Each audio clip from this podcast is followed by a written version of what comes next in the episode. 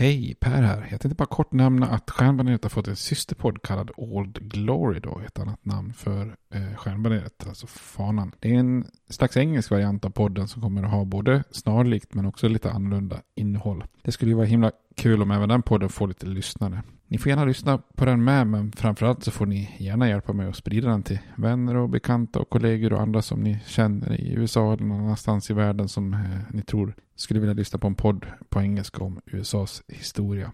Tack, det var bara det jag ville säga. Nu kommer avsnittet. Hej då! Hiring for your small business? If you're not looking for professionals on LinkedIn, you're looking in the wrong place. That's like looking for your car keys in a fish tank. LinkedIn helps you hire professionals you can't find anywhere else, even those who aren't actively searching for a new job but might be open to the perfect role. In a given month, over 70% of LinkedIn users don't even visit other leading job sites. So start looking in the right place. With LinkedIn, you can hire professionals like a professional. Post your free job on linkedin.com slash people today. Hey, it's Ryan Reynolds, and I'm here with Keith, co-star of my upcoming film, If, only in theaters May 17th. Do you want to tell people the big news? All right, I'll do. Sign up now and you'll get unlimited for $15 a month in six months of Paramount Plus Essential Plan on us. Mintmobile.com slash switch. Upfront payment of $45 equivalent to $15 per month. Unlimited over 40 gigabytes per month. Face lower speeds. Videos at 480p. Active Mint customers by 531.24 get six months of Paramount Plus Essential Plan. Auto renews after six months. Offer ends May 31st, 2024. Separate Paramount Plus registration required. Terms and conditions apply if rated PG. Many of us have those stubborn pounds that seem impossible to lose, no matter how good we eat or how hard we work out. My solution is PlushCare. PlushCare is a leading telehealth provider with doctors who are there for you day and night to partner with you in your weight loss journey. They can prescribe FDA-approved weight loss medications like Wagovi and Zepbound for those who qualify. Plus, they accept most insurance plans. To get started, visit plushcare.com slash weight loss. That's plushcare.com slash weight loss.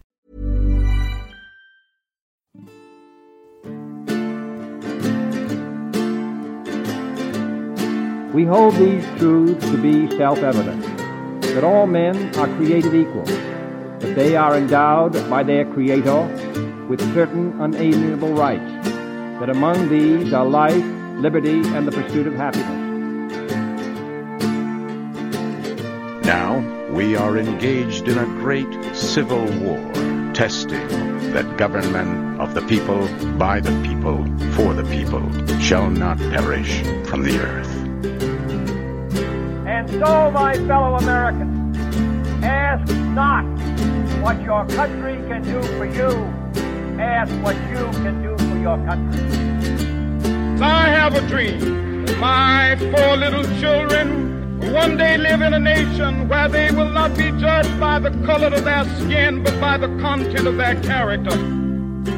Mr. Gorbachev, tear down this wall. I did not have sexual relations with that woman, Miss Lewinsky. Då hälsar vi hej och välkomna till Stjärnbaneret igen. En podcast om USAs historia. Tjena Robert. Hallå, hallå. Nu var det ett tag sedan vi spelade in. Ja, vi sa just det att man känner sig lite ringrostig så här när det går några veckor emellan. Vi körde ju ett maratonpass senast. En sex timmars inspelning. Ja, precis. Då hinner man ju både vara lite ringrostig, bli varm i kläderna och sen kanske tappa det lite ja, precis. Ja, så är det. Eh, och det vart ju en liten paus här. Eh, så vissa har varit oroliga. Men vi lovar att meddela ifall vi lägger ner podden så kan vi meddela det aktivt. Annars ni, kan ni vänta att det kommer avsnitt eh, successivt. Förr eller Ja. senare i alla fall. Och vi kan ju inte gärna sluta mitt i ett krig. Nej. Vi får- ju föra det i mål helt enkelt. Yes. Ska du berätta lite om vart vi lämnade eh, lyssnarna senast då? Det var ju där, där jag trodde att eh, det- amerikanska inbördeskriget tog slut egentligen. Jag, I mina ögon så var det kanske så här att Gettysburg var slutet på hela kriget och sen... eh, Det var det det avgjordes. Ja, lite så. Ja, men tror- det, det fortsätter ju några år till blir det väl då? Eller? Ja, Mm. och jag tänker mig att det kanske är just därför att det fått så stor, stort genomslag just Gettysburg. Så man kanske får den bilden också Mm. lite grann. Så. Nej, men vi, det var ju egentligen, liksom, kriget har ju kan man säga tre stora vändpunkter. Den första vändpunkten är ju när vi pratar om att eh, konfederationen gick på lite motanfall och, eh, och så det här stora slaget vid Antietam. Och efter det så förklarar ju, levererar ju Lincoln sin stora emancipationsförklaring.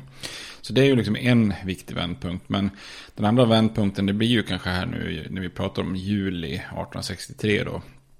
För då är det ju då som eh, Dels driver man ju ut eh, Braxton Bragg från Tennessee. Eh, och, och dels så vinner man över liv i Gettysburg. Och sen så kapitulerar ju konfederationen där vid Vicksburg. Mm. Så att det är ju tre liksom ganska samtida segrar. Och där, det är ju ett stort slag liksom mot konfederationen. Så att det är väl den andra vändpunkten. Men det finns ju fortfarande ganska svåra utmaningar för båda sidorna. Så här drygt två år in i kriget. Eh, och det som verkligen börjar bränna till är ju på hemmafronterna där det blir lite tufft för både Lincoln och Jefferson Davis. Mm. Eh, och det var det jag tänkte vi skulle prata om eh, idag då. För ja. att den sista vändpunkten som vi kommer att komma till där det är ju att det blir ett presidentval mitt 1864. Där Ja, det känns märkligt men mm. det är klart då, att man följer konstitutionen då. Med precis, ha, ja men man gör det och är stolt över det. Att man håller ett val även när det är krig liksom. Mm. Och hade Lincoln förlorat där och så, då hade ju kriget kunnat eventuellt tagit slut på något annat sätt. Liksom, ja. i, förhandlingar. Så att det kommer en till, vi ska igenom en till vändpunkt. Men först tänkte jag att vi skulle kolla lite på mm, hemmafronterna då.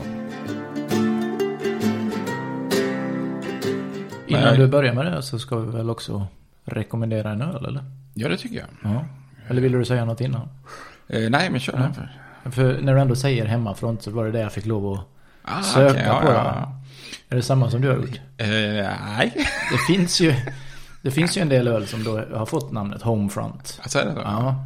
Och då tänkte jag få ta någon av dem som man inte har druckit men det här Cigar City, har du hört talas om det? Ja, precis. Ja, det, ja, jag har aldrig testat någon, men jag har hört talas om det. Jag har provat någon av deras stouter väl, som har varit tillfälligt parti på Systembolaget. Ah, men här okay. har de en IPA då som heter Homefront. Lite patriotisk så. Ah, okay. Vart hör de hemma, vet du det? Eh, jag har för mig att det är nere i Florida möjligtvis. Ja, precis. Jag får också för mig att det är någon söder. Ja, ja, jag skulle säga Florida. Ja, Florida. Florida, ja. ja. Det var någon som sa att man hade semestrat i Florida nyligen. Och, äh, och då hade du cyklat förbi någon som säkert skulle på någon sån här reenactment liksom. I. Konfererad. Då hade någon ropat upp till dem så här, Get over it! så det är härligt. Ja, ja. alltså den rekommenderar jag då. Ja, ja men vad bra. Jag var så, tänkte bara hemma, jag visste inte vad jag skulle säga. tänkte hemmafront, det är vår hemmafront, vi är från eh, Ludvika. Så jag tänkte, det är ju Spendrups, men så kör man ju fast så här, ja, Spendrups, det är lite så här. Ja, mm. men det var tråkigt med Spendrups att de inte längre, mm, vad ska man säga, ingen av deras, deras öl kan man nästan se att det är Spendrups som gör. De försöker gömma sig bakom andra namn och märken. Gränges. Ja. Eh, Visby är ju de som äger men mm. inte fullt ut kanske då styr så. Men ja. det är ju ändå Spendrup som ligger bakom. Mariestads, Norrlands, ja. eh, Melleruds eller? Ja det kanske det också är. Ja. ja. de köpte ju upp jättemycket. Min pappa körde ju lastbil där. Brutal Brewing och ja men ja. Att de är, är det ingen öl som heter Spendrups stor Nej, jag stark? Vet, jag vet inte om det är det faktiskt. Jag tänkte på den här. Det, förr fanns ju den lite fina, den åttkantiga flaskan Old Gold. Ja just det. Eh, men jag kollade och tänkte, finns den fortfarande kvar på något liksom, beställnings... Men den fanns inte kvar. Nej. Så, ja. Men jag vet att det, eh, när min farsa började köra lastbil för dem så var det ju... Ehm, då hette det ju Grängesbryggan fortfarande. Mm. Innan de tog över namnet Spendrup. Så ja. Eller tog över, det var väl familjen Spendrup som ja. köpte upp det där. Ja, nej, nu är det väl... Nu ibland när man går på någon pub och det inte finns något jättebra liksom, så, så kanske det liksom ibland blir det här brutal brewing som är räddningen om man vill ha något lite trevligare. Ja, jag tänkte det. Vad heter den där? Tail, whale tail. tail. Whale, tail, whale. Tail ja, of the whale. Ja, något sånt ja. Mm. Ja. ja, men då har vi ett öltips. Ja, jag, jag har en tanke om nästa avsnitt då. Som ja. blir, eh, jag kommer inte ihåg vilket i ordningen det blir. Men... Det blir nog det elfte om inbördeskriget. Mm. Ja. Det kan jag redan nu säga att du kommer få provsmaka en öl. Och oh. stilen är då Berliner Weiss. Mm -hmm. Så skulle man nu till avsnitt 11 om inbördeskriget vilja dricka något som liknar det vi möjligtvis dricker så kan man köpa sig en Berliner Weiss. Och då har jag tittat upp att Stone Brewing gör ju en, den heter väl White Ghost tror jag. Finns på de flesta mm -hmm. systembolag.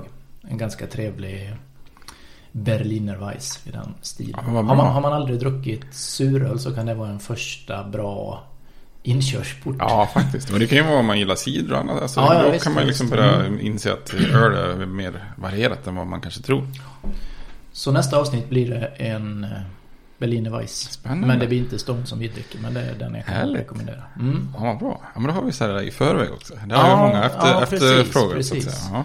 Jag har även en tanke om att vi ska, för nu har vi spelat in över 50 avsnitt där vi har rekommenderat amerikanska öl och andra öl. Jag tror vi ska lägga upp en annan strategi när det gäller just öl. eh, När vi rekommenderar dem. Så jag tror vi kommer börja gå efter eh, Svenska Hembryggarföreningens öltypsdefinitioner sådär.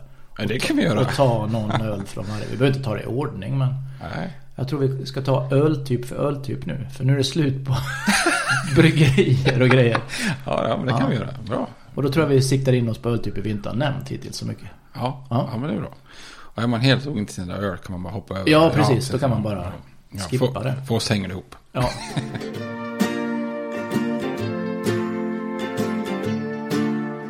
Ja, jag tänkte på det. Just som jag sa, det, folk klär ut- sig fortfarande och ölen har etiketter från inbördeskriget. Det Det är ju liksom verkligen...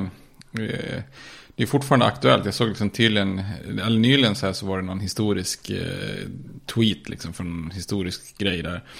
Och då var det någon på, på Twitter som, eh, som liksom kommenterade att eh, ja men inbördeskriget det, det var ju liksom, det här är ju helt fel. Det här var ju the war of northern aggression. Mhm. Liksom, och ville mena på då att det var liksom, varför håller ni på att prata om slaveriet? Så, Alltså inte vi, utan då, den sajten då, att det var nordstöt, hela kriget gick ut på att nordstaterna ville förstöra söderns banksystem och att det var Ah. förmögna familjen Rothschild som låg bakom liksom och styrde Lincoln och sådär. Det är liksom fascinerande. Och då kom jag på, vi har inte pratat om det. Kriget har ju många, många olika namn då. Vill man vara lite extrem i södern så kallar man det ju då War of Northern Aggression. Och, eller War of Southern Independence. Eller War of Secession eller War of Separation då. Eh, och det snällaste man säger i södern kanske är War Between the States. Alltså att man vill liksom jämställa staterna. liksom så här. Medan i norr då vill man vara lite, vara lite snällare så kanske man säger War of the Union om man inte säger eh, Civil War då. Och eh, vill man vara lite eh, översittare så säger man War of the Rebellion. Så att det beror på. Man, man, det ser man ju liksom eh, att de benämner det där beroende på hur man vilka man sympatiserar med. Det, Ja. det ser man än idag på Twitter. Ja, ja. Jag såg en rolig detalj där. Vi pratade ju om Gettysburg där. Det var faktiskt Nixons farfar som skadades där. Eh, Eller var en av de som skadades där. Eh, Och han som bar Nixons farfar från slagfältet fick en tapperhetsmedalj då. Farfaren själv överlevde inte. Men då inser man att det är inte så många generationer liksom eh, emellan där. Ja, men bra. Ja. Då börjar vi. Jag tänkte vi börjar uppifrån med nordstaterna. Uppifrån. Ja, eller norrifrån. Du tänker i en kartbok? Ja, uppifrån. precis. Ja. norrifrån, ja. bra. Ja, det är bra att du har koll på geografin då. Ja. Ehm, och jag tänkte man börjar liksom med nordstaterna och kolla på ekonomin då. Så var ju nordstaternas ekonomi eh, väldigt mycket bättre anpassad för kriget än söderns då. Och det går ju väldigt bra för nordstaterna.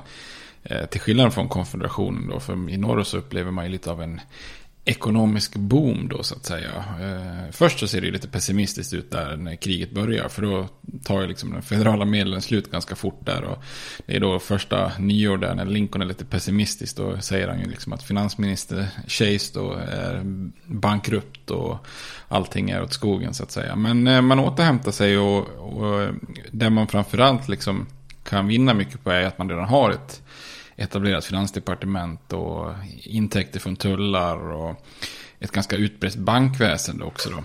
Eh, och då förstärker man det ganska snabbt och så i 25, 25 februari 1862, då, en bit in i kriget, så röstar man igenom något som kallas för Legal Tender Act. Vilket då skapar för, för första gången i USA en federal valuta då.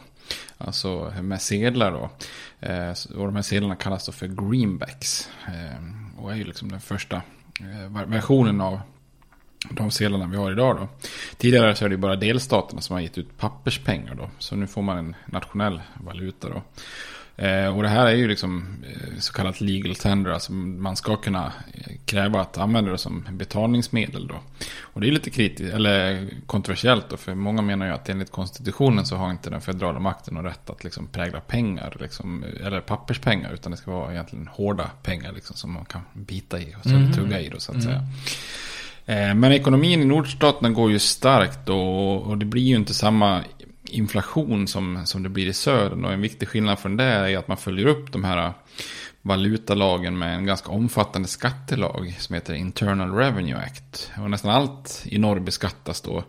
Eh, produkter och arv, men kanske det viktigaste är då att man börjar beskatta inkomster federalt. Och det är ju helt nytt då för att vara USA på den här tiden. Och det är en ganska relativt modern, modern lag, så det blir liksom en första version av det här IRS, skattemyndigheten som liksom mm. uppstår då. Eh, och mycket av det här eh, överlever ju kriget. Så man kan ju säga att eh, det här är, kriget i den bemärkelsen blir en jättestor vändpunkt i USAs historia. Liksom att relationen mellan amerikanska skattepengar och, eller skattebetalare och den federala makten blir ju aldrig riktigt eh, densamma då.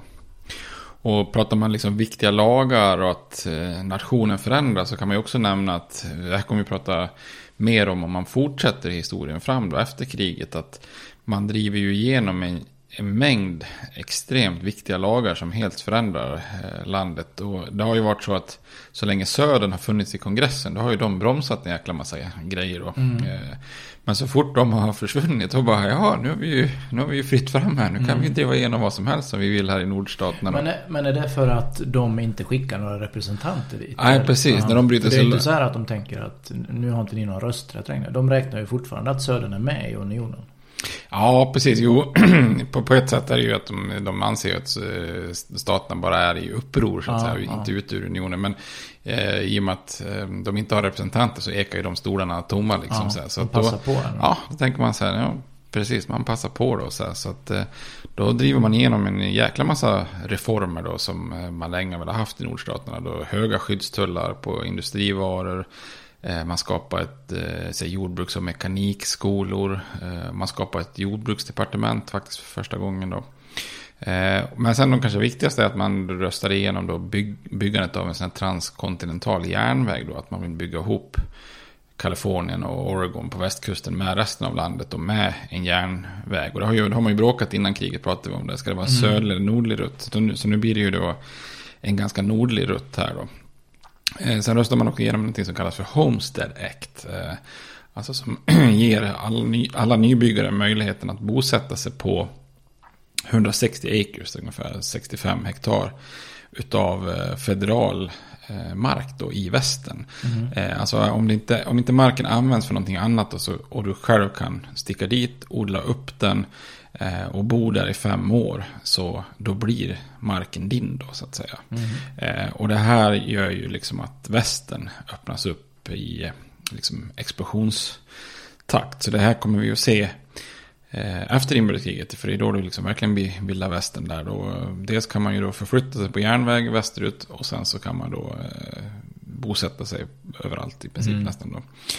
Eh, så det här är ju jättestora förändringar. Så då, då vet man redan här i inbördeskriget att om nordstaterna vinner kriget så kommer det ju inte vara samma USA som man liksom... Eh, ja, eh, det kommer vara ett helt annat USA mm. när man är igenom kriget då. Nordstaterna måste ju få ett litet försprång här också med att vänja sig vid en nationell valuta då till exempel. Ja. Tills sen är kriget över menar jag. Då ja. är man redan igång med den och det blir helt nytt för de sydligare staterna då. Ja, jo så är det verkligen för de följer ju så här statistik efter kriget så kan man ju se att södern är ju både förstört och eh, hamnat i ekonomisk bakvatten. Så att de har ju inte liksom långt in på slutet av 1800-talet har de fortfarande inte kommit upp i samma levnadsnivå som det var innan inbördeskriget. Nej. Så de blir ju liksom verkligen en förstörd och eh, ja, ännu mer efterbliven del av, av unionen. Liksom, så.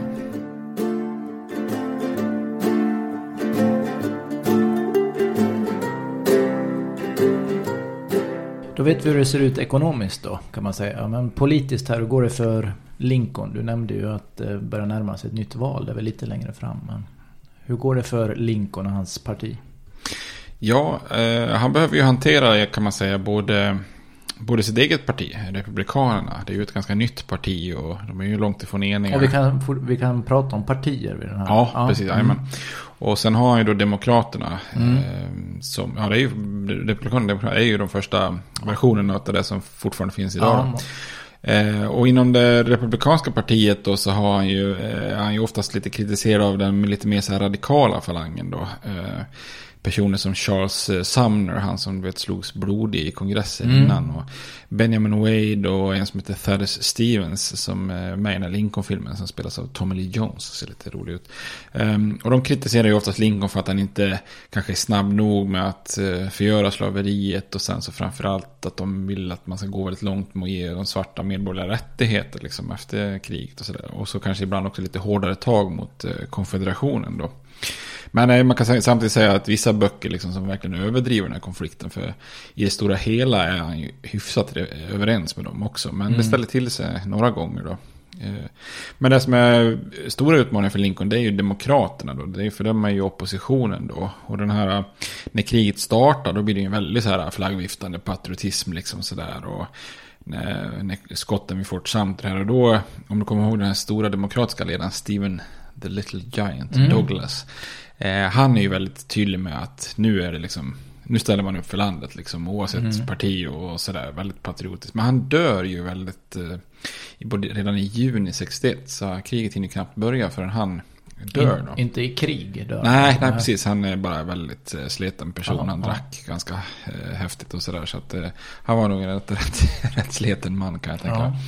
Men, eh, men många demokrater då som eh, stöder ju krigsinsatsen i början. Och de brukar kallas för krigsdemokrater, de som stöder kriget.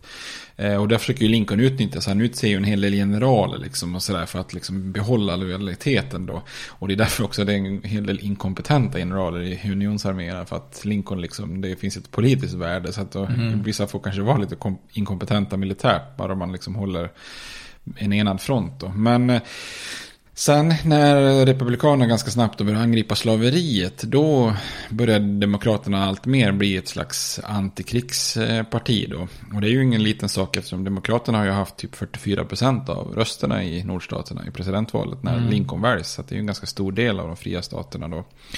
Eh, och för många demokrater så är, blir då ki- ett krig att befria sl- slavar, det är ju väldigt oönskat då.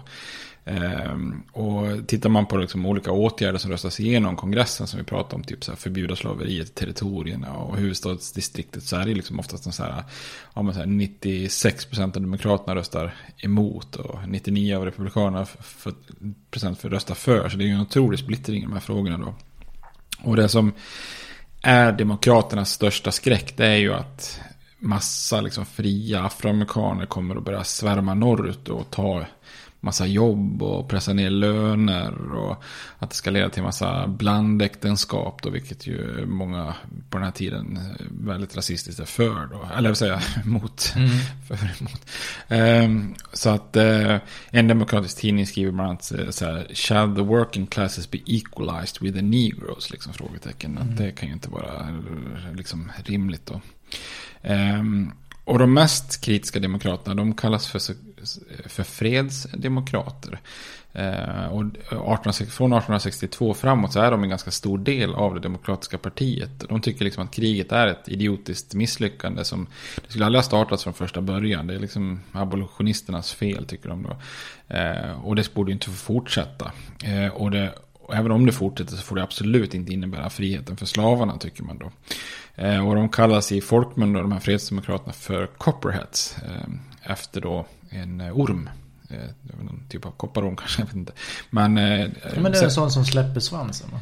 Ja, kanske är så. Eller ja, som men- spelar död eller? Ja, ja, det- jag vet inte riktigt. Men de, de, de, de får namnet så att, de- för att de, ty, de andra tycker att de biter dem i ryggen. Liksom som en eh, elak orm. Liksom, sådär, så att, eh, jag tänkte om det var... Ja. Ja, så att, eh, ja, de... eh, Men det skulle ju kunna faktiskt vara en liknelse också. För vissa av dem, vi- vi- vissa av dem tycker att södern kan få sin självständighet. Liksom. Ja. Ja, det blir som svansen av. Kan man Ja, säga. ja, precis. Men eh, nej, men de kallas för copperheads eftersom de anses bita krigsinsatsen i ryggen då. Mm. Göra lite förräderi då. Ehm, och de, de vill ju att eh, unionen ska rekonstrueras då med fredsförhandlingar istället för krig då. Eh, och för republikanerna är det här liksom bara en naiv dröm liksom sådär. Eh, men eh, det är många som, de får stöd och det, den främsta fredsdemokraten heter Clement Vallandigham. Eh, jag vet inte riktigt hur det uttalas, men Vallandigham tror jag. Han är ju så här rasist. Vad, hette han i förnamn sa du? Clement. Clement? Ja, det är Ja, bra. ja, det är bra namn. Mm. Ja. Eh, och han är ju liksom, vad ska man säga, en liten rasist i fingerspetsarna som eh, verkligen tyckte att slaveriet var något bra då. Så han myntar den slogan som blir liksom Demokraternas slogan för, för inför val och sånt där. Och det är The Union as it was, the Constitution as it is and the Negroes where they were. Så mm. det, det, blir liksom deras slag, mm. slagord. Då.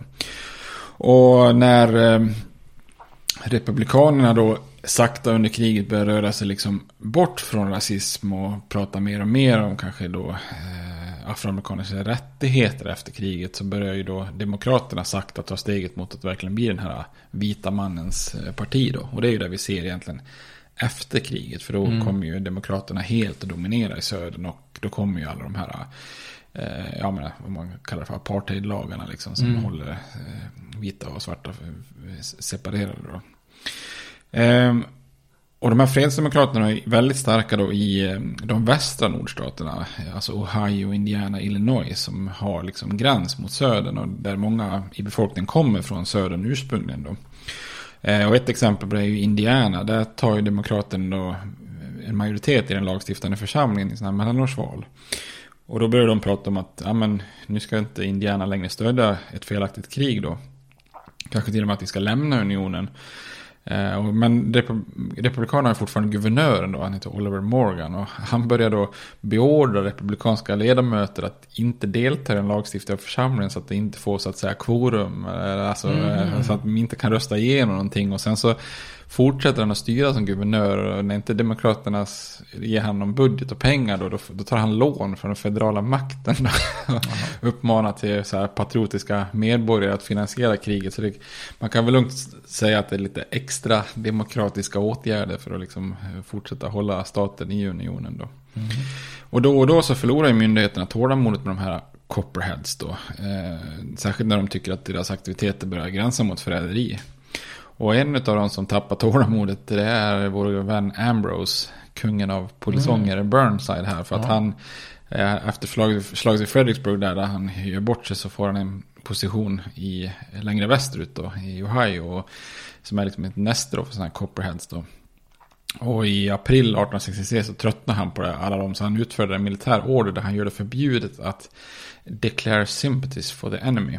Och då tar det bara två veckor innan den här eh, Clement Wallenningham måste testa detta. Så att i maj så håller han en tal, eh, tal där han fördömer då vad han säger kung Lincoln. Och eh, sa att kriget för att befria slavar är inte ett krig värt att utkämpa då. Så att eh, ja, då har ju Burnside presenterat, eller placerat lite spioner i publiken där. Så att då arresterar hon honom, eh, eller arresterar han honom och lägger honom i fängelse då. Eh, och där, trots protester då, så döms han i en militärdomstol till två års fängelse för de här uttalandena. Då. Eh, men, och då blir ju liksom, han blir ju liksom en martyr för demokraterna. Så Lincoln tänker det här är inte bra så att han gör om straffet då från fängelse till bannlysning från unionen då. Och så skickar honom, honom med en eskort söder till konfederationen. Jaha. För han tycker så här, ja men om han sympatiserar, sympatiserar så mycket med rebellerna då och vill jobba för dem då kan han väl lika gärna befinna sig där nere då liksom. Och, och, och göra där då. Så att, men eh, i där blir de ju liksom, vad fan, det här var ingen rolig gåva, liksom, vad ska vi med han till där? Så att, eh, och han själv vill ju inte vara i södern då. Så han tar en sån här blockadrännare, sådana som drar ut förbi mm. unionsflottan då på kusten. Lyckas ta sig till Bermuda och sen där från Bermuda med ett brittiskt skepp upp till brittiska Kanada. Och sen från Kanada så ställer han upp i Ohios guvernörsval på distans. Ja. en bråkstake. Man blir liksom inte av med honom då. Eh, men han förlorar faktiskt det valet eh, sådär. Och då efter det så då vågar han sig till och med tillbaka till Ohio då. Och då inser ju Lincoln och, och så att det bästa man kan göra är nog bara ignorera honom. Liksom, ja. Så får han inte så mycket uppmärksamhet. Då, så Men det här är ju liksom en grej som Lincoln måste hantera under hela kriget. Då, det som han brukar kalla för eld i ryggen. Alltså att, eh, missnöje med kritiket, kritik, eller missnöje och kritik med kriget och aktivt stöd för konfederationen. Och det bildas till och med liksom organisationer i norr som kallas för sådana här namn som Knights of the Golden Circle eller Orders of the American Knights och lite sådana grejer då. Vissa kallas till och med för Sons of Liberty om man kommer från mm. Revolutionen. Så mm. försöker man koppla ihop där då, så att säga. Och ibland får de ju stöd för, av agenter från södern. För de, konfederationens intresse det ligger ju och verkligen eldar på och, och hjälpa. För det kan ju vara ett sätt för dem att vinna kriget. Och, så, Ja. Eh, så Lincoln och myndigheterna tar ju, tar ju liksom säkra för osäkra ibland och gör en del eh, arresteringar då. Ett av de kändaste fallen heter Ex parte Merriman. Där, där det är en i början av kriget som arresteras. Eh, han arresteras faktiskt och, och sätts i, i, ett, eh, i Fort McHenry i Baltimore. Och en av de andra som arresteras samtidigt är barnbarn till han Francis Scott Key som skriver Star Spangled Banner, alltså nationalsången. Och det är ju roligt för han, då fängslas hans barnbarn i Fort McHenry och det var ju det som bombarderades av britterna när Ah. farfar skrev eh, så, eh, nat- nationalsången. Så lite ironiskt där då. Men de gör ungefär, man har räknat ut ungefär 14 000 militära arresteringar av civila under kriget. Så det är ju inte så jättelite då. Men samtidigt så, de allra flesta av de här är ju i, alltså redan ockuperade konfererade stater och där är det ju mer eller mindre grillakrig i vissa så att det kanske var väldigt mer rättfärdigt så att säga. Men ungefär 600 män eh, och kvinnor arresteras liksom i de faktiska nordstaterna. Liksom. Ja. Men det, är- Lincoln är ju sådär, han säger ju det lite grann att eh, när han får mycket kritik för det här så eh, ibland, ett, ett svar han, som han säger vid ett tillfälle som har blivit väldigt så här, bevingat, det är ju att han säger så här, Must I shoot a simple-minded soldier boy who deserts? While I must not touch a hair of a wily agitator who indu- induces him to desert. Ja, det är ju en bra bild av det hela så att säga. Eh, Men i slutet av 1862 då, början av 1863, då eskalerar eh, kritiken mot eh, kriget rejält och det leder till ganska stora spänningar i, i nordstaterna. Och ska man titta på några orsaker då så kanske man kan lyfta fram tre då. Det ena är ju liksom så här allmän krigströtthet och många får ju uppleva krigets mödor när ja, familjer tjänstgör och det är mycket skador, många dör och så vidare. Eh, och det andra är ju då liksom den här emancipationsförklaringen, alltså att många tycker inte att man vill kämpa för Eh, afroamerikanerna. Och det tredje är ju att det är också motstånd mot värnplikten. För som vi såg då, Södern hade ju svårt att få fram män till slut. Så de införde ju någon slags eh, draft då, eller någon slags liksom, ska man säga, värnpliktslag då. Eh, och det gör man i nordstaterna i mars 1863 då. Och det här systemet öppnar ju upp väldigt mycket för kritik eftersom det man kompromissar på många, många olika sätt. Och det är, alla män mellan 20 och 45 år ska ju då registrera sig, enroll som det heter. Och när regeringen kallar in män från ett geografiskt om, konstrikt, eh, eller geografiskt distrikt så då har det distriktet 50 dagar på sig att fylla sin kvot av frivilliga. Och om den här kvoten inte fylls med frivilliga då, det är då man gör en sån här draft, vilket egentligen blir som att, nästan som ett lotteri då, att man lottar namn bland de som inte har. Och dyker, man, dyker ens namn upp då, då, då, då får man liksom tvångstjänstgöra då. Men man kan också slippa det här då på två sätt. Det ena genom att man betalar en ersättare eh, som tar ens plats då. Eller att man då eh, betalar en, eh, en- en summa pengar då. Men eh, det är ju såklart, då blir, det också den här kritiken, för de fattiga har ju inte möjlighet. Alltså, Nej, om- man kan köpa sig fria då. Ja, precis. för det kostar ju liksom 300 dollar om man vill köpa sig fri. Och, och oftast ännu mer om du vill ha en ersättare. Liksom, och, och då, det är svårt liksom. Och det, det är ju jättemycket pengar för många då. Så ett känt fenomen på det här är faktiskt den framtida presidenten Grover Cleveland, en eh, demokrat. Han betalar sig fri då så att en polsk immigrant tar hans plats istället, vilket han får en del kritik för senare. Då. Så Det liknar ju liksom dagsläget, eller under många år var det ju svårt för politiska kandidater om de inte hade, om de hade duckat Vietnam liksom, så att var det ju svårt då. Eh, Så att det blir ju en del kritik om att det här är, är ju den rike mannens krig då. Eh, Och den, fat, eller den fattige mannens krig fast det är de rika som styr det. Och samtidigt så är det ett krig för att frigöra slavar som kanske sen kan underminera eh, ens jobb då så att säga. Eh, Så man försöker ju undvika det här i så stor utsträckning som möjligt. Så många stater har ju så kallade bounties, alltså någon slags bonus när du skriver på då för att eh, göra att man ska, ja, det är ungefär som en sign-on-bonus i idrott om man säger. För att få folk att, att slippa använda den här draften då. Och även grupptrycket är ju stort för, i många fall att man, ja, man är inte riktigt man nog om man inte tjänstgör så att säga. Så, men de här bonusarna de lockar ju lite så här samhällets bottenskick. Så att då uppstår den här fenomenet som kallas för bounty jumpers. Alltså att man, man tar värvning, cashar ut bonusen, Sen deserterar man och sen dyker man upp någon annanstans. Tar värvning, får bonusen och sen deserterar man. Mm. Eh, och så kan ju vissa hålla på ända tills de ändå åker fast. Eller också har de fått en hel förmögenhet då så att säga. Eh, så man kan säga att den här draften eller värnplikten är ju inte det som egentligen fyller upp arméerna. Utan det är bara till slut kanske 6% av alla trupperna. Resten är ju frivilliga på ett eller annat sätt. Och oavsett om det är patriotism eller eh, pengarna som lockar då. Mm. Men eh, motståndet är ju, blir ju upp, mot det här blir ganska stort. Och speciellt i de här mellanvästern. Men också framförallt också då i eh, New York. Så eh, sommaren 1863 så inträffade det största upploppet i i nord, nordstaterna, ett av de största i, i landets historia då, så att säga. För då kommer nyheten om att man behöver göra en till sån här draftrunda då. Eh, och då börjar en massa arbetare då, framförallt väldigt mycket irländare, så gör de uppror i New York då. Så det börjar lite som en protest mot draften och det här draftsystemet, men till slut så urartar det till ett liksom rasupplopp där mängder av liksom då afroamerikaner får, eh, får skulden för kriget. Då. Eh, så det var faktiskt under flera dagar helt utom kontroll. Liksom New York är liksom helt i, i uppror. Mm. Så mängder av byggnader förstörs och runt ungefär 120 dödas och 2000 skadas. Och de flesta som skadas och dör är oskyldiga afroamerikaner eller poliser då. Och man går så långt att man bränner till och med ner ett barnhem för afroamerikanska barn. Och det här är fortfarande det största största civila upploppet i USAs historia. Då. Så för att slå ner upproret så kallar man till och med in då enheter från den här stora Potomac-armén som är på väg söderut efter slaget vid Gettysburg. Så att de här veteranerna som precis har stoppat och slagit tillbaka Lee då, de får bara liksom några veckor senare komma till New York för att liksom börja beskjuta massa irländska upp, uppror, upprorsmakare. Och de eh, soldaterna är oftast ett väldigt starkt stöd för kriget. Så de har inte så mycket betänkligheter. Jag tycker att de är liksom förrädare. Så mm. att det blir ju liksom nästan regelrätta strider där. Då, så att. Men eh, när de dyker upp och, eh, så blir det ju så ja, det är ju då inte upproret. Inte, det är inte lönt längre. Då förstår man att det blir allvar. Så att då blir det lugnt igen. Då, så att här hade ju du tipsat om filmen då. Gangs of New York. Ja, precis. Jag är den inspirerad den... av detta fast med en annan liten twist? Jag tror det.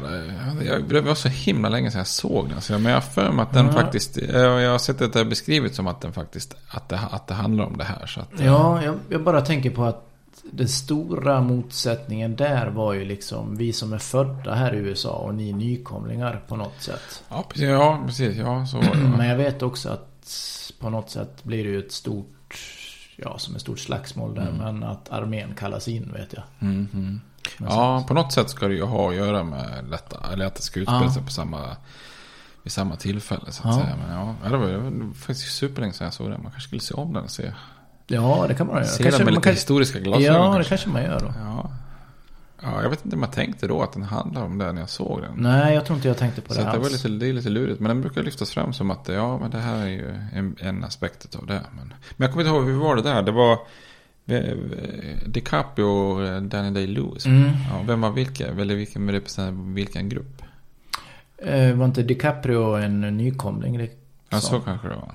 Men att han först blev tagen under vingarna av den här eh, Daniel Day-Lewis. Mm -hmm. var, inte han, var inte han The Butcher eller något sådär? Jaha, okej. Okay. Ja, jag, kommer... jag kommer inte riktigt ihåg hela. Men man var, det var ju under hans stora era, Leonardo DiCaprio. Ja. Alla filmer han gjorde gick man ju och såg på ja. sätt. Och var väl den största stjärnan i, i världen just då skulle jag säga. Mm, mm. Och då kanske storyn kom lite i andra hand här.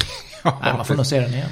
Ja, de kanske ville twista det. Det var tråkigt om det bara var plain uppror. Liksom. Ja, jag vet att det var då första gången jag hörde det här Five Points. Det är väl en korsning där i, mm. i New York. Jag vet inte om den finns kvar fortfarande. Nej, dålig koll på det. Såg också, också att det fanns en öl som heter Six Point. Ja, okej. Okay. Ja, men det kanske är anspelning på något annat. Ja, ja. Okej. Okay.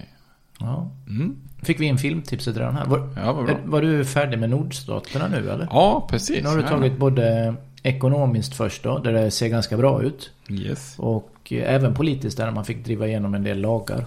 Yep. Men sen lite smolk i bägaren ändå med att eh, det bubblar lite missnöje både mot kriget och mot Lincoln och, och unionen som ja. sådan. Ja,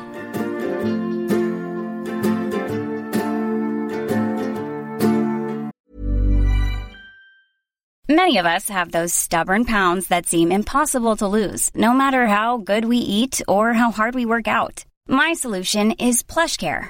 PlushCare is a leading telehealth provider with doctors who are there for you day and night to partner with you in your weight loss journey. They can prescribe FDA-approved weight loss medications like Wagovi and Zepbound for those who qualify. Plus, they accept most insurance plans. To get started, visit plushcare.com slash weight loss. That's plushcare.com slash weight loss. I'm Sandra, and I'm just the professional your small business was looking for. But you didn't hire me because you didn't use LinkedIn jobs. LinkedIn has professionals you can't find anywhere else, including those who aren't actively looking for a new job, but might be open to the perfect role, like me. In a given month, over 70% of LinkedIn users don't visit other leading job sites. So if you're not looking on LinkedIn, you'll miss out on great candidates like Sandra. Start hiring professionals like a professional. Post your free job on linkedin.com/people slash people today.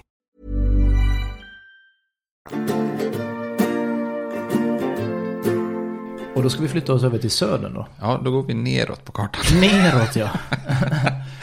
Ja. Vad vill du börja med där? Blir det hur det ser ut ekonomiskt där också då? Ja, precis. Man kan ju Eller, börja eller med... bakar du ihop allt? Ja, vi kan ju börja på, på eh, rent allmänt på att det, där är ju situationen tuffare redan i utgångspunkten. Det pratade vi lite grann om innan, liksom det här med styrkeförhållandena mellan, mellan nord och syd. Då. Men, men det är också så här lite med facit i hand, väldigt lätt att peka på söderns underlägsenhet i resurser och befolkning då. Och i kombination med sådana här lite interna splittringar. Och, liksom, och då kan man säga så här, ja, konfederationen var ju liksom dödsdömd på förhand så att säga. Men man kan ju också vända på det resonemanget och säga så här att, att man kunde liksom hålla emot nordstaterna i fyra långa år då. Eh, liksom, och, och, och dessutom man liksom ha flera tillfällen när man, ja, det hade kunnat gått, historien kunde ha gått lite på ett annat sätt. Liksom. Det kan man ju också se som att eh, hur, liksom, hur duktiga de var, eller, eller, eller inte duktiga de var, men hur stort motstånd de faktiskt gjorde och hur, liksom, djupet av hur man i södern hatade Yankees i norr och, och hur man då var beredda att försvara slaveriet med med näbbar och klor liksom, och göra en riktig, riktig uppoffring för att liksom, mobilisera typ varenda liten resurs man överhuvudtaget har för att liksom, eh, fortsätta kriget. Då. Och, och där kan man säga, så här, ibland brukar man säga att Södern nästan led av en övermobilisering. Därför att tittar man på på, på de här konfedererade staterna så har man så nära nog en tredjedel av alla alltså vita män eh, är i Söderns arméer. Då. Motsvarigheten i nordstaterna är att man mobiliserar ungefär 50% av alla män i samma åldersspann. Då. Eh, och, och, och liksom motsvarande siffra för konfederationen är 80% av alla liksom män i den åldern man, man kan kalla in. Då, så att säga. Skulle man börja översätta konfederationens procentuella liksom, som man kastar in i arméerna idag i USA skulle det vara ungefär 45-50 miljoner män i armén. Mm. Liksom, så förstår man liksom. Sådär så. Men att, att ungefär 4 av 5 män är i Söderns arméer. eh, Det, dels möjliggörs det naturligtvis därför att slavar står för en del av arbetskraften på hemmaplan. Då, så att det blir ju liksom både en styrka och en svaghet i takt med att slaveriet angrips. Då. Så att, ehm, ja, och, och där kan man säga att i och med den här liksom, mer eller mindre nästan övermobiliseringen så är det ju, börjar ju samhället ibland liksom på vissa håll fungera sämre på hemmaplan eftersom det finns inte så många kvar som kan sköta de eh, arbetsuppgifterna som finns kvar då så att säga. Ehm, Sen i övrigt på hemmaplan då så lider ju Södern väldigt, väldigt mycket mer då. Ehm, För det är ju såklart, det är ju på deras mark som mycket av kriget utkämpas. Det är ju väl några få undantag. Där det, Lee gör ju två offensiver som jag sett då in i Maryland, Pennsylvania. Eh, Bragg, Braxton Bragg och några kavalleriräder uppe i Kentucky. Liksom. Men det, kriget blir ju liksom inte påverkat i norr på samma sätt som i söder. Så ungefär motsvarighet här när det börjar bränna till i, i, i, nord, i nord med värnplikt och de här upproren i New York då och sådär. Så då börjar det bli otroligt ansträngt i södern också. Alltså man har i princip väldigt få män att kalla in då. Det börjar bli ont om förnödenheter och man har liksom en skenande inflation och jättedålig ekonomi då. Och just det här med... Hur, hur funkar deras penningsystem där? Har de, är det varje stat då som har i pappersform eller? Ja, precis. De har ju, de har ju otroligt mycket svårare att finansiera kriget. Då, för det, alltså det är ju, krig är ju svindyrt så att säga redan från starten då. Eh, och någonstans måste ju medlen komma från då. Och befolkningen i konfederationen var ju också sådana alltså radikala motståndare till, till skatter då i högre grad än i nordstaterna då. Så kongressen var ju aldrig i närheten av att lyckas rösta igenom någon sån här direkt skatt eller så som man gjorde i norr då. Och man har ju också lite dålig trovärdighet så man får inte, det är svårt att låna pengar utomlands.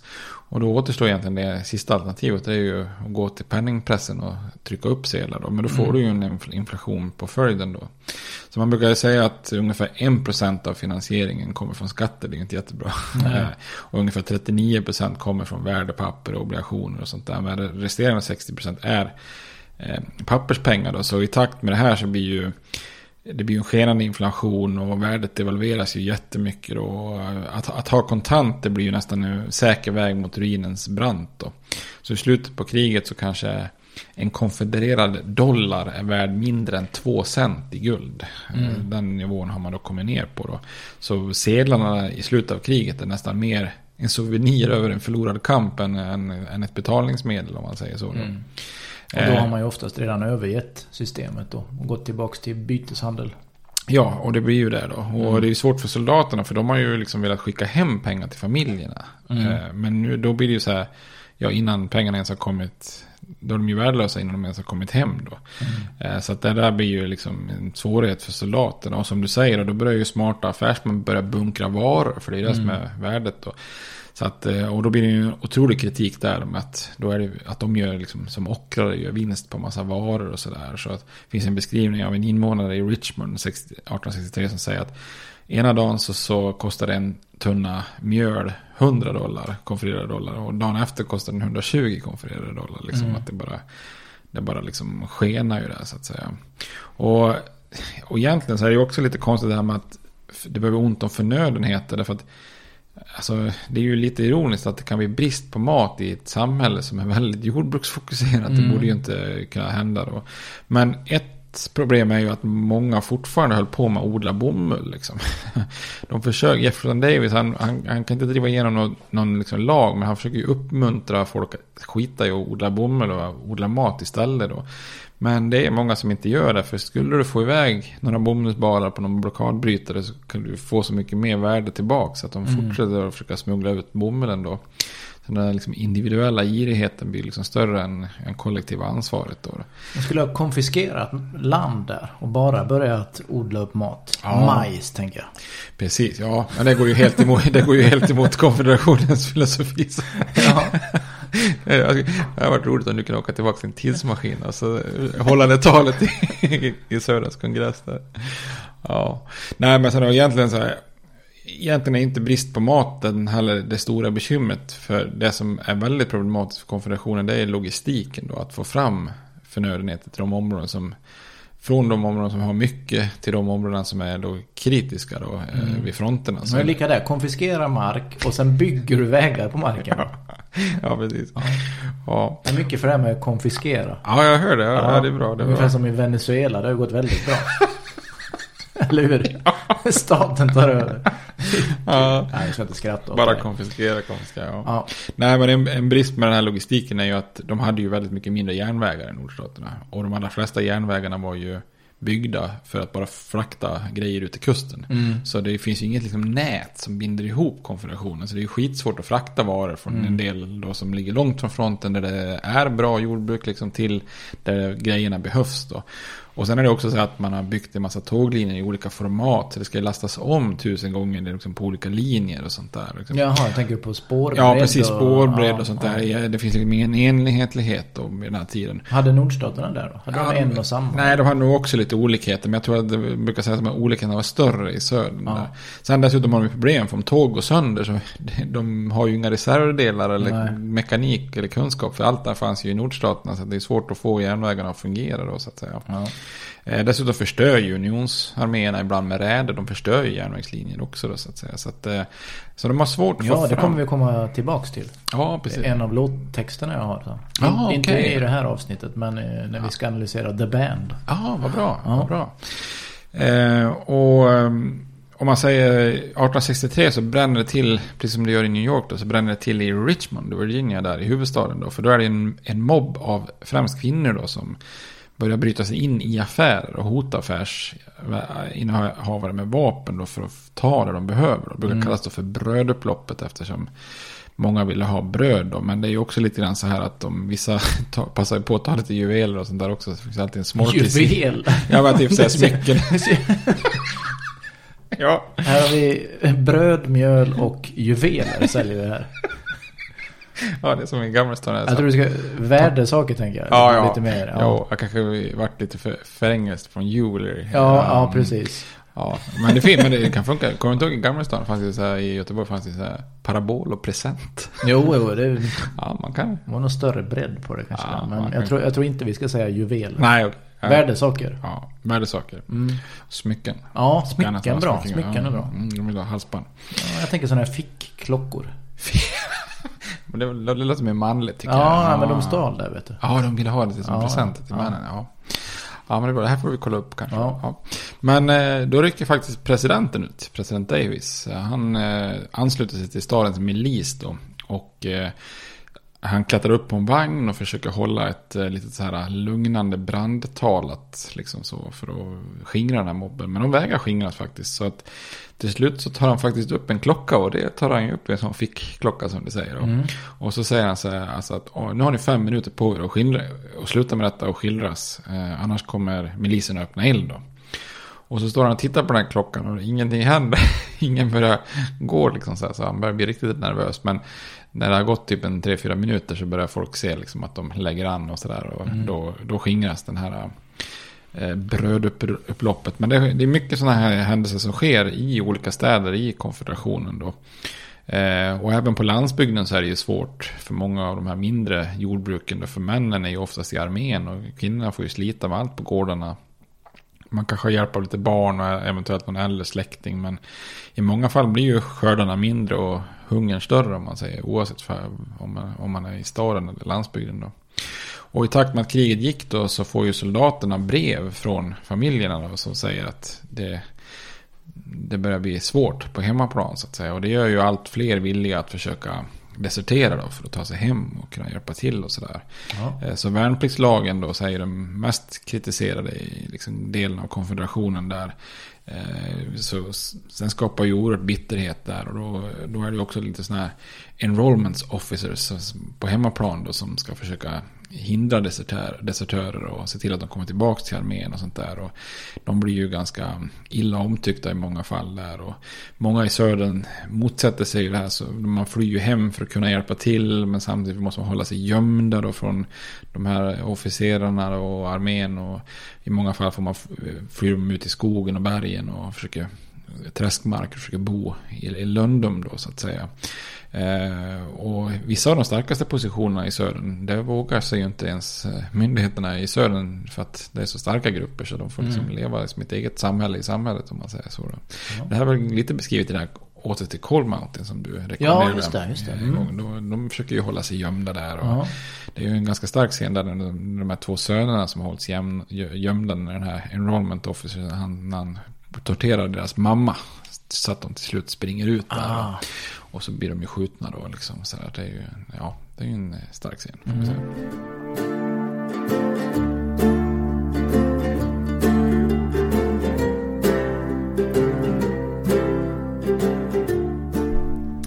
Ja men då fick vi ekonomiska aspekten och eh, lite upplopp där nere i södern också. Po- eh, Politiskt då, nu nämner jag, han är ju president här, Davis. Men hur funkar det mm, där nere? Där nere. Den, ja, Där, ska man ha val där också eller? Är det olika politiska partier eller hur ser det ut? ja, Får han någon kritik? Vill de byta ut Davis? Eller är de ganska Ja. lojala? Nej, det är väldigt mycket kritik och mycket av det här kan förklaras faktiskt med just avsaknaden av eh, politiska partier också så att säga. Eh, han har ju, den gode Jeff Davis har ju en eh, svår uppgift liksom. Det, han ska ju liksom, man har skapat en ny nation och två månader efter det så är kriget igång liksom. Eh, och så länge det går bra där i början som vi pratade om, då är han ju liksom en hyllad ledare. Men eh, i takt med motgångarna så blir det ju jättemycket mer kritik mot honom då. Och hans sätt att ta emot kritik är verkligen inte den bästa då. Det finns ju liknelser där Lincoln säger att Alltså, han, Lincoln förlorar ju hellre argumentation bara han får det resultatet han vill. Men eh, David skulle aldrig vilja förlora en argumentation oavsett om det är bra eller dåligt. Mm. Det finns ju en, en, en ett citat där när Lincoln säger när de kritiserar han George McClellan att alltså, jag skulle kunna stå och hålla George McClellans hästtyglar bara han gör, ger mig en seger liksom. Ja. Men eh, Jefferson Davis skulle inte hålla någon tyglar kan man säga. Nej. Definitivt inte då. Han är ju som person väldigt lättstött, eh, svårt att förlåta och har ju en tendens att vara väldigt kri kritisk mot andra då. Särskilt om man stöter sig med och han får väldigt arga utbrott. Eh, och dessutom är han ganska pessimistiskt lagd. Så det, ja. det låter precis som mig, alla de här grejerna. Eller? ja, det var du hård mot dig själv. Ja.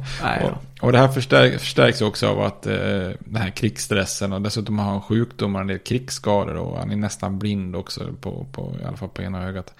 Så att han har inte liksom den här samma förmågan som Lincoln då att försöka jobba med oliktänkande mot gemensamma mål. Då. Så han bråkar ju massvis med sina ministrar. Han har ju en, en jättehög eh, vad heter det, turnover heter det Alltså att ministrar kommer och går. Liksom, mm. mm. Eh, och eh, flera av de här ledande generalerna då, Pierre Bogard och Joseph, Joseph Johnson, de bråkar han ju konstant med. Och, samtidigt som han också har lite sån här, några sån favoritgeneraler som han då, som Braxton Bragg och eh, Polk och Robert E. Lee och som han liksom håller sig högt så han nästan blir okritisk när de borde kanske ha agerat annorlunda eller när han borde ha avsatt dem så, så har han inte gjort det då. Ehm, och han går ju in i kriget helt tvärt emot Lincoln. Lincoln var ju många oroade över som ett osäkert kort, lite erfarenhet, absolut ingen militär erfarenhet. Medan Davis, han jättemycket erfarenhet, är en krigsveteran från Mexikokriget, har varit krigsminister i Franklin Pierce regering. Ja men jättebra liksom så då. Ehm, men det här gör ju också att han har svårt att släppa detaljer. Så han är lite inne och petar i massa detaljfrågor och mm. sånt där. Och det visar sig att i slutändan så är ju, är ju antagligen Lincoln betydligt skickligare ledare än vad, vad Davis är då. Och hans regering lider ju liksom av inre politiska eh, stridigheter och det blir på något vis ett, ett krig av inbördeskrigets dignitär då med kräver ju liksom jättestarka politiska, sociala och ekonomiska uppoffringar som oftast då måste hanteras som en slags eh, centralt program av liksom industrialisering och byråkrati, byråkrati och logistik och sånt där för att liksom mobilisera hela samhället. Och där har ju Södern ett jättestort handikapp för hela den här konfederationen är ju liksom en nation som är sprungen ur det här konceptet state rights, alltså decentralisering. Alltså, det är ju även, det är ju hela USA egentligen, men Södern var ju störst förespråkare av de här gamla idealen av att delstaterna ska ha ganska mycket suveränitet och styra mm. väldigt mycket själv. Då, så, att, så här kan man säga att det finns en inbyggd paradox mellan eh, konfederation, i konfederationens krigsinsats, då, mellan liksom, man säger, behovet av centralistiska eller hamiltonska åtgärder om man ska gå tillbaka till Hamilton och Jefferson. Då, för att liksom då kunna uppnå eh, deras decentraliserade mål, då, eller Jeffersonska mål. Då.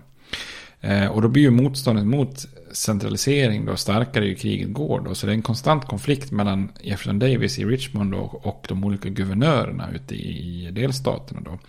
Eh, och det här med att konfederationen börjar tvångsrekrytera män och att en delstats försvar kanske måste försvagas för att föra resurser till någon annan del. Det väcker ju då jättemycket eh, bitterhet och protester i, i de olika staterna. Då. Och de mest högljudda kritikerna är ju Joseph Brown i Georgia och Zebulon Vance i North Carolina som på något vis motsätter sig det mesta. Då. Och för dem är det heller inte så svårt för deras delstater är ju, kom, kriget kommer inte till de delstaterna förrän väldigt sent i kriget då. Så när kriget är, kommer till Georgia till exempel då, då flörtar ju den här Brown till och med med möjligheten att göra en separat fred liksom. Så, här, så att, eh, dessutom är det då som jag sa också innan att de lider ju lite också av att det inte finns några politiska partier. För innan kriget hade ju det demokratiska partiet blivit liksom helt dominant då. Och det såg man ju som något positivt, alltså en återgång till den här revolutionsidealet när det inte ska finnas några politiska partier då. Eh, problemet blir ju då att allt missnöje mot Jefferson Davis regering leder ju till Alltså, en, en opposition uppstår ju ändå. Och i avsaknad av partier så blir det ju istället personorienterat. Och att det blir då personorienterat det är ju inte optimalt i, i det här söderns samhälle där vi har pratat om tidigare där prestige och ära hålls så fruktansvärt högt. Då, då. Och har man dessutom då ett högsta höns i Jefferson Davis som är otroligt känslig och lite halvaggressiv liksom. Mm. Och, eh, som är svårt att hantera konflikter så blir det ju inte riktigt bra då. För det som uppstår blir ju liksom en splittring då mellan i, i den konfererade kongressen då mellan en, liksom en pro-Davis-falang och en anti-Davis-falang då. Så man kan säga att ju längre kriget går desto, desto mer blir de här inre striderna, eh, inre stridigheterna synliga i konfederationen då.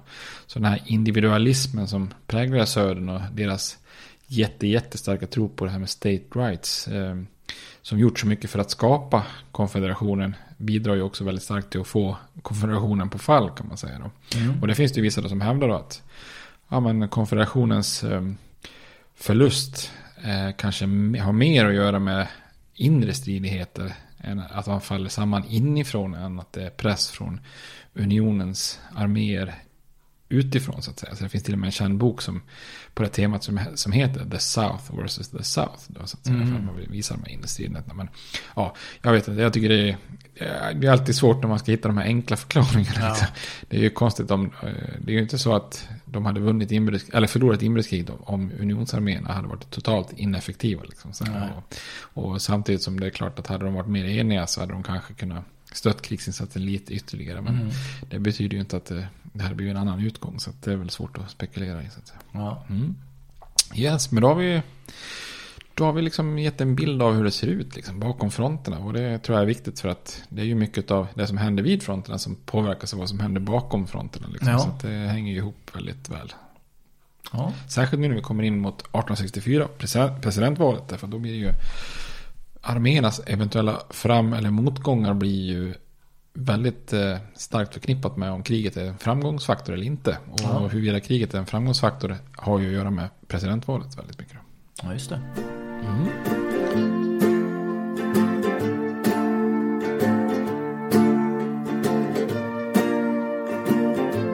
Är vi färdiga med... Jag tror vi stoppar där. Ja. Med hemmafronterna. Uh, vi pratade redan om film innan. Här. Ja, vet du den Gangs of New York då? Ja. Jag tänkte jag tar en låt därifrån också. Nu, du ah, nämnde okay. ju lite irländska immigranter som uh, inte vill uh, ge sig in i kriget kanske. Eller ge sig på um, afroamerikanerna här. Mm. Så den här låten som finns som heter New York Girls. Den är typisk sån här irländsk folkvisa tycker jag. Ja, okej. Okay. Ja. Det är ingen man kanske lyssnar på eller har hört innan men nu kan man göra. Vilken är det? Vem gör den? Eh, Finbar Furry. Okej. Okay. Som jag nog tror har ir, irländskt på, påbrå. Det låter verkligen. Ja, så den kan jag rekommendera. Så då, har vi, då blir det samma då, film och låt. Ja, mm. bra. Ja, du kommer inte dragande med någon Johnny Logan-dänga där, irländsk. Johnny Logan, ja just det. Jag tänkte varför ska jag ta den? Nej. Är det någon speciell? Vad har du för favoritlåt med Johnny Logan? jag kommer inte ens ihåg vad den heter. ja. ja. Ja, men vad bra. Men då ja. har vi ett eh, fortsatt kriget en liten bit till. Ja. Ska vi gå över till militären nästa? Det blir det. Och nästa avsnitt då, Berliner Weiss. Kanon. Ja. Perfekt. Ses vi då. Det gör vi. Hej. Ha det bra. Hej. States like these and their terrorist allies constitute an axis of evil. And if the hippies and the yippies and the disruptors of the systems that Washington and Lincoln as presidents brought forth in this country will shut up and work within our free system of government, I will lower my voice. If the impeachment provision in the Constitution of the United States will not reach the offenses charged here, then perhaps that 18th century Constitution should be abandoned to a 20th century paper shredder. Therefore, I shall resign the presidency effective at noon tomorrow.